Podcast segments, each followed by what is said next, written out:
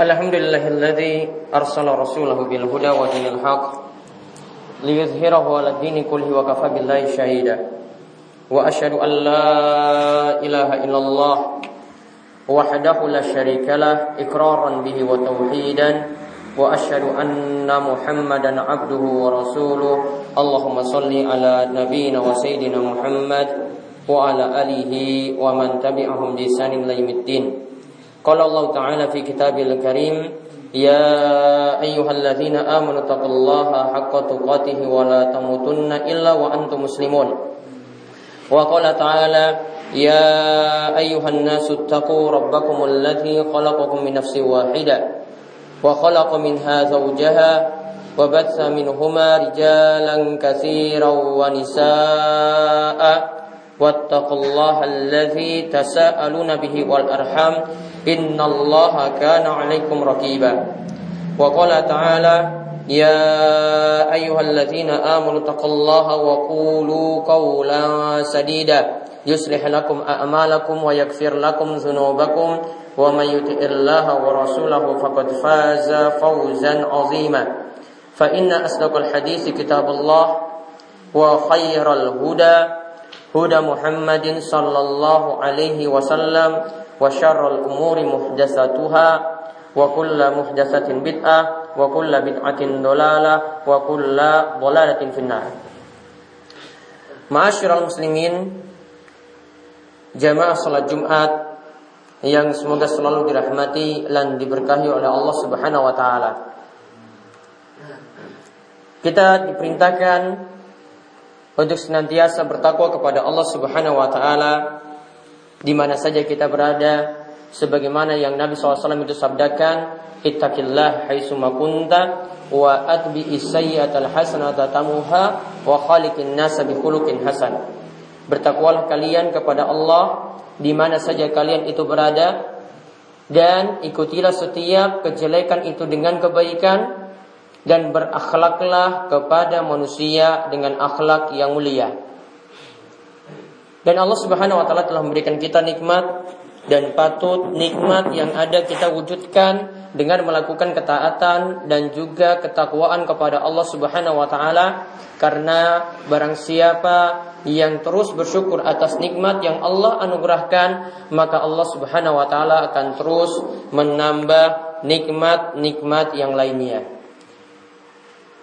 Kemudian semoga salawat juga dan salam tercurahkan kepada junjungan kita, suri tauladan kita, Nabi besar, Nabi agung yang mulia, Nabi kita Muhammad sallallahu alaihi wasallam pada para sahabat, pada tabi'ut tabi'in, ya, pada tabi'in dan tabi'ut tabi'in, juga kepada para ulama yang telah memperjuangkan Islam.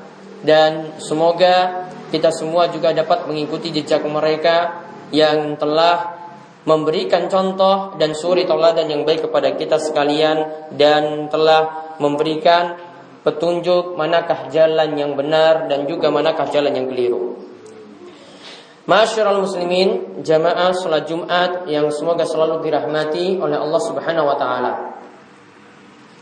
Kita di tengah telah mendengar suatu berita tentang difonisnya atau telah dieksekusinya delapan orang dari sepuluh orang yang dihukumi terpidana mati karena kasus narkoba.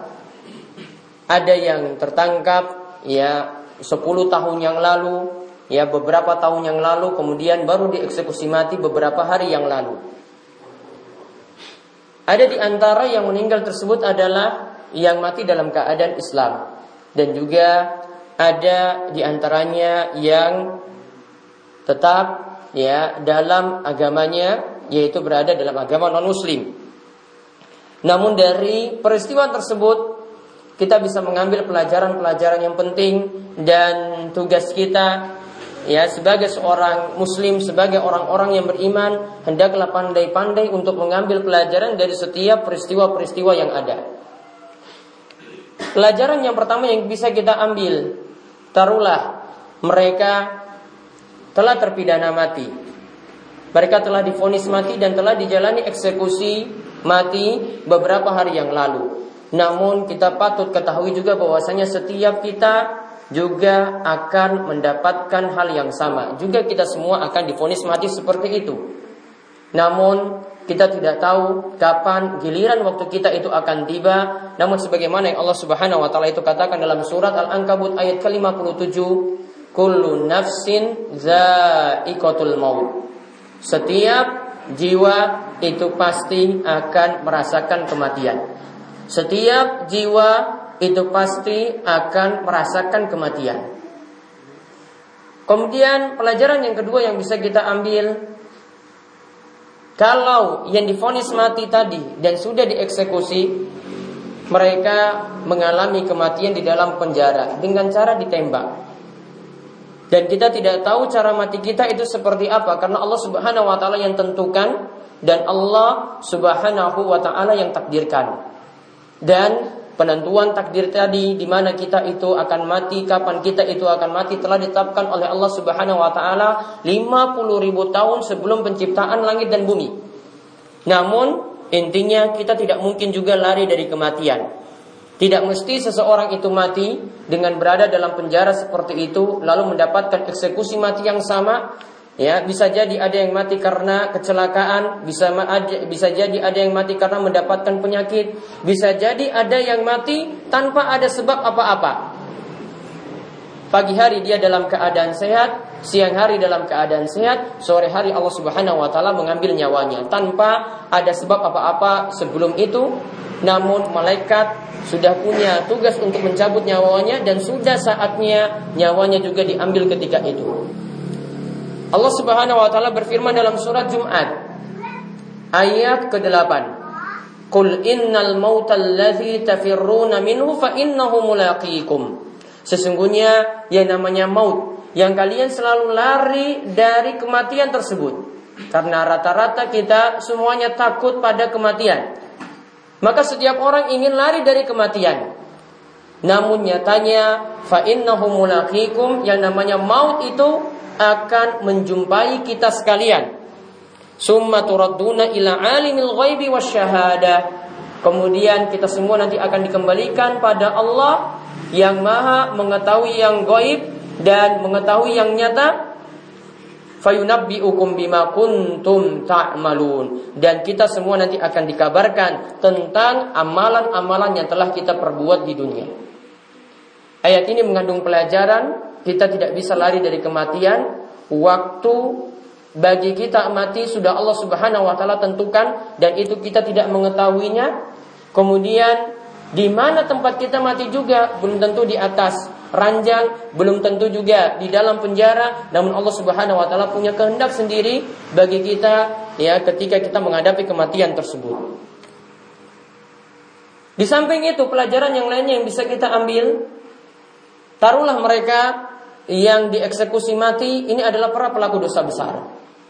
Ya mereka berbuat dosa yang parah karena telah mengedarkan narkoba, Bahkan mereka menjadi bandar dari narkoba tersebut. Bahkan mungkin juga punya ya catatan hitam yang lainnya. Ya, barangkali juga punya catatan hitam yang lainnya seperti selingkuh misalnya, seperti main perempuan, kemudian berjudi, bahkan mereka juga mungkin di antara orang yang minum minuman keras. Mereka rata-rata ini adalah pelaku dosa besar. Namun pelaku dosa besar seperti ini patut kita pahami, mereka bisa saja kalau atas kehendak Allah itu disiksa dalam neraka, maka nantinya bisa keluar dari neraka setelah mendapatkan siksa jika Allah Subhanahu wa taala kehendaki. Ada beberapa kisah di sini yang bisa kami sebutkan bahwasanya pelaku-pelaku dosa besar itu bisa dimaafkan. Di antaranya yang pertama adalah hadis bitokoh. Di mana Nabi SAW itu menceritakan ada orang yang punya catatan kriminal. Ada orang yang punya catatan hitam. Di catatan amalnya ini kalau dibentangkan ternyata dibentangkan bisa sejauh mata memandang. Artinya berbagai macam dosa dia itu pernah lakukan, tidak dia tinggalkan sama sekali. Kalau catatan dosanya ini dibentangkan maka sejauh mata memandang. Namun dia punya satu catatan yang ampuh. Ini dikenal dengan kartu bitokoh la ilaha illallah. Kartu catatan la ilaha illallah. Dan para ulama itu nyatakan kita semua punya kartu catatan seperti ini.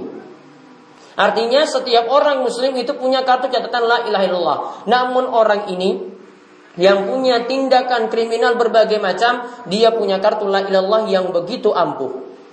Mungkin orang semacam ini kalau di tengah-tengah kita adalah satu per satu triliun. Karena jarang sekali orang yang uh, sudah punya catatan kriminal seperti ini, punya kartu yang ampuh seperti dia. Ternyata ketika ditimbang kartu la ilaha illallah yang dia miliki, dengan catatan dosa yang berada di daun timbangan yang lainnya. Ternyata masih berat. Kartu catatan la ilaha illallah yang dia miliki. Masih berat kartu catatan la ilaha illallah yang dia miliki. Artinya dia itu adalah orang yang bermaksiat namun dia tidak pernah berbuat syirik, memiliki iman yang benar dan memiliki akidah yang benar. Walaupun dia melakukan tindakan dosa yang lainnya namun dia tidak pernah berbuat syirik. Dia tidak percaya dengan tahayul-tahayul, dia tidak memakai jimat-jimat, dia tidak ya rutin untuk melakukan sesaji-sesaji laut dan seterusnya. Dia bukan orang semacam itu. Dia termasuk orang yang selamat karena kartu la ilaha illallahnya tadi kalau ditimbang lebih berat daripada catatan dosa yang lainnya. Satu kisah lagi adalah kisah orang yang ini dinyatakan oleh Nabi SAW dia adalah orang yang paling terakhir keluar dari neraka dan paling terakhir masuk surga. Dia adalah orang yang paling terakhir masuk neraka dan dia adalah orang yang paling terakhir masuk surga. Ketika dia berdialog dengan Allah Subhanahu wa taala. Allah itu memerintahkan kepada dirinya, ya, engkau masuklah ke dalam surga. Maka ketika itu bayangannya sama seperti mungkin bayangan kita kalau kita jadi orang yang terakhir masuk surga, tidak mungkin kita bisa masuk ke surga karena surga itu sudah penuh. Maka bayangan orang ini ketika diperintahkan untuk masuk surga, bayangannya surga itu sudah penuh. Maka dia kembali ke hadapan Allah Subhanahu wa taala kemudian berdialog lagi, "Ya Allah, dalam pikiran saya surga itu sudah penuh." Allah masih menyuruhnya, "Sudah engkau masuk surga sana."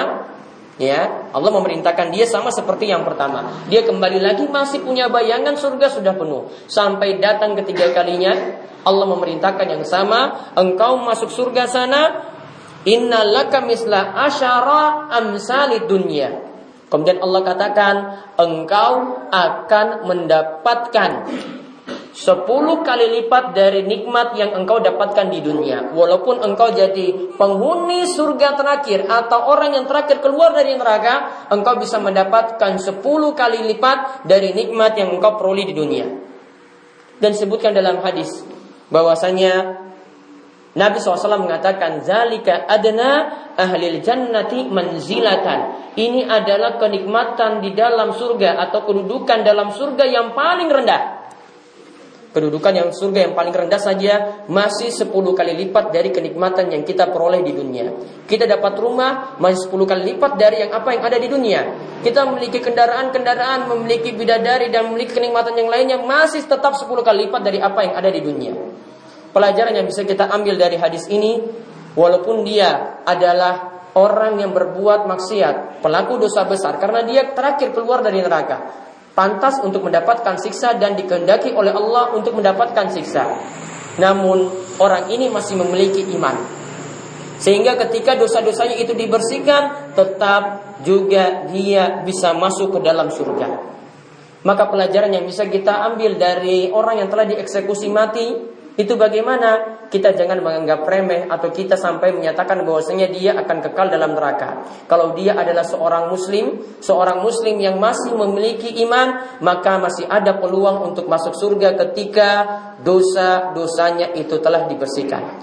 Maka pelajaran yang bisa kita ambil tadi berkaitan dengan kematian, Kematian itu setiap kita akan menghadapinya dan kita tidak mungkin lari daripadanya. Kemudian yang kedua, untuk pelaku dosa besar, Allah Subhanahu wa taala tetap masih memberikan ya, masih membuka pintu tobat dan masih menerima tobat setiap orang ya. Namun yang wajib kita waspadai adalah jangan sampai kita berbuat syirik, hendaklah kita memiliki iman yang benar dan akidah yang benar. Semoga kita semuanya juga selamat dari siksa neraka dan dimudahkan masuk dalam surga. Aku qouli hadza wa الله لي ولكم ولسائر المسلمين إنه هو السميع العليم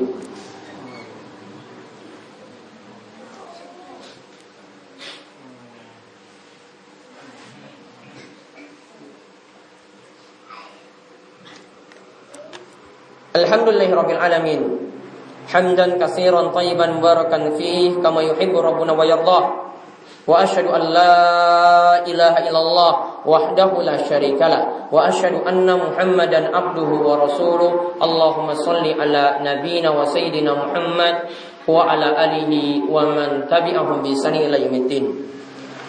Kaum muslimin yang semoga selalu dirahmati oleh Allah Subhanahu wa taala. Dan patut dipahami juga tentang orang yang berbuat dosa besar. Kalau dia mesti memiliki iman yang benar, tidak berbuat syirik, maka dia bisa mendapatkan syafaat dari baginda Nabi Shallallahu Alaihi Wasallam pada hari kiamat nanti.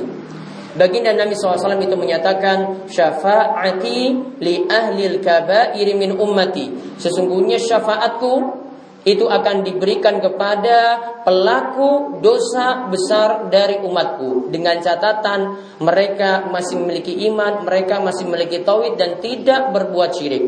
Maka kalau dia lakukan dosa pembunuhan, kalau dia punya kasus kriminal yang besar, namun dia tidak berbuat syirik, maka dia bisa selamat pada hari kiamat kelak.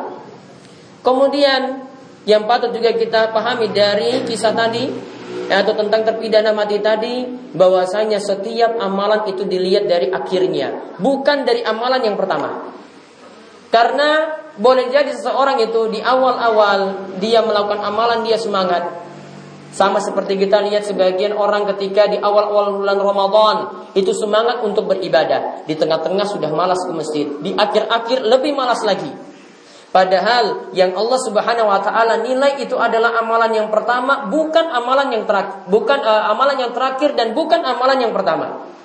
Jadi sekali lagi yang paling penting untuk dinilai adalah amalan yang terakhir sebagai amalan penutup, bukan amalan-amalan sejak awal. Namun seorang diperintahkan untuk ajak dalam beramal, karena ingat tadi, ya kita tidak tahu kapan amalan kita itu akan berakhir. Maka kita tetap beribadah setiap waktu dan nanti Nabi SAW itu ya menyatakan inamal uh, inamal a'malu bil khawatim. Sesungguhnya yang dinilai dari suatu amalan adalah dilihat dari akhirnya bukan dari awal atau bukan di tengah-tengah. Maka ketika seorang itu rutin dalam beramal, maka titik akhirnya itulah yang dinilai. Maka ketika seorang itu juga mati, maka keadaan akhirnya juga yang dinilai. Dia mati dalam keadaan beriman ataukah dia mati dalam keadaan kafir. Maka kita mohon kepada Allah Subhanahu wa taala semoga kita termasuk di antara orang-orang yang mendapatkan syafaat. Allah mengampuni setiap kesalahan-kesalahan kita dan juga memudahkan kita supaya memiliki akhir amalan yang baik mati dalam keadaan husnul khotimah dan juga mendapatkan ampunan dari Allah Subhanahu wa taala. Di akhir khutbah ini ya kami wasiatkan kepada para jamaah untuk terus meningkatkan takwa dan di hari Jumat yang penuh barokah kita diperintahkan juga untuk banyak berselawat kepada Nabi kita Muhammad sallallahu alaihi wasallam. Innallaha wa malaikatahu yusholluna 'alan nabi ya ayyuhalladzina amanu sallu 'alaihi wa sallimu taslima. Allahumma salli ala Muhammad wa ala ali Muhammad kama shallaita ala Ibrahim wa ala ali Ibrahim innaka Hamidum Majid. Allahumma barik ala Muhammad wa ala ali Muhammad kama barakta ala Ibrahim wa ala ali Ibrahim innaka Hamidun Majid. Marilah kita memanjatkan doa pada Allah. Mugi-mugi Allah memperkenankan setiap doa yang kita panjatkan di hari Jumat yang penuh barokah ini. Allahumma kfir lil muslimina wal muslimat wal mu'minina wal mu'minat al ahya'i minhum wal amwat innaka sami'un qaribun mujibud da'wat. اللهم اقسم لنا من خشيتك ما تحول به بيننا وبين معصيتك ومن طاعتك ما تبلغنا به جنتك ومن اليقين ما تهون به علينا مصائب الدنيا اللهم متئنا بأسمائنا وأبصارنا وقواتنا ما أحييتنا واجعله وارث منا واجعل ثأرنا على من ظلمنا وانصرنا على من أدانا ولا تجعل مصيبتنا في ديننا ولا تجعل الدنيا أكبر همنا ولا مبلغ علمنا ولا تصل man la yarhamuna rabbana hab lana min azwajina wa dhurriyyatina qurrata a'yun waj'alna lil muttaqina imama rabbana hab lana min azwajina wa dhurriyyatina qurrata a'yun waj'alna lil muttaqina imama Allah ya Rabb kami ampunilah setiap kesalahan-kesalahan kami. Begitu juga kesalahan kedua orang tua kami. Begitu juga kesalahan setiap orang yang beriman yang telah mendahului kami. Ya Allah tinggikanlah derajat kami di surga dan selamatkanlah kami dari siksa neraka. Ya Allah, anugerahkanlah kepada masyarakat kami supaya sadar untuk beribadah kepadamu, untuk memiliki iman yang benar, memiliki tauhid yang benar dan memiliki akidah yang benar. Ya Allah, jadi jauhkanlah masyarakat kami dari berbagai macam kemungkaran. Jauhkanlah anak-anak kami, remaja-remaja kami dari berbagai macam kenakalan. Jauhkanlah kami dari berbagai macam maksiat yang dapat menuai kebinasaan darimu ya Allah. Ya Allah jauhkanlah kami dari siksa yang pedih. Turunkanlah rahmatmu, turunkanlah keberkahanmu kepada negeri kami ini. Ya Allah anugerahkanlah kepada kami pemimpin yang taat kepadamu, pemimpin yang dapat memberikan kebaikan kepada kami dan juga selalu mendatangkan kemaslahatan bagi umat Islam. Ya Allah, berikanlah Kemudian pada kami untuk mendapatkan husnul khatimah mati dalam keadaan yang baik dan dimasukkan dalam surga dan dijauhkan dari neraka. Rabbana atina fid dunya hasanah wa fil akhirati hasanah wa qina adzabannar. Rabbana atina fid dunya hasanah wa fil akhirati hasanah wa qina adzabannar. Rabbana atina fid dunya hasanah wa fil akhirati hasanah wa qina adzabannar. إن الله يأمر بالعدل والإحسان وإيتاء ذي القربى وينهى عن الفحشاء والمنكر والبغي يعظكم لعلكم تذكرون ولذكر الله أكبر. أقيموا الصلاة.